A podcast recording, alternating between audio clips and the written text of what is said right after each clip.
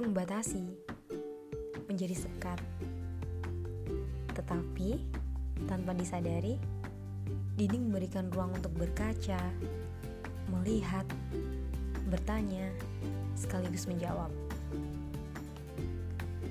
Di sisi lain, dinding juga melahirkan ide, kreativitas, perspektif, perubahan, dan rindu. Terima kasih.